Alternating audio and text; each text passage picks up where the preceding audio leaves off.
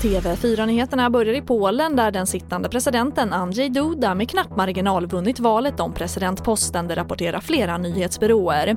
Och mer om det här kan du se på TV4 Play.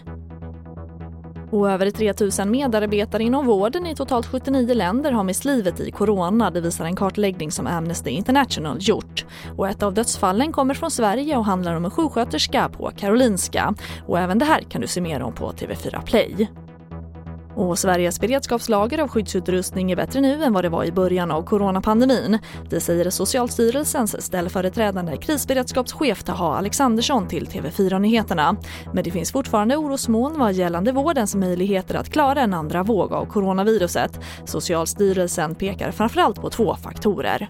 Det är ju att vi är så otroligt importberoende. Men sen skulle jag vilja säga, vi är väldigt decentraliserade, vården är väldigt decentraliserad och, och det betyder inte att det är någonting negativt men det betyder att det krävs otroligt mycket för att få den samordnad. Det krävs eh, jättemycket operativ samverkan. Och det sa Taha Alexandersson som också får avsluta TV4 Nyheterna. Jag heter Charlotte Hemgren.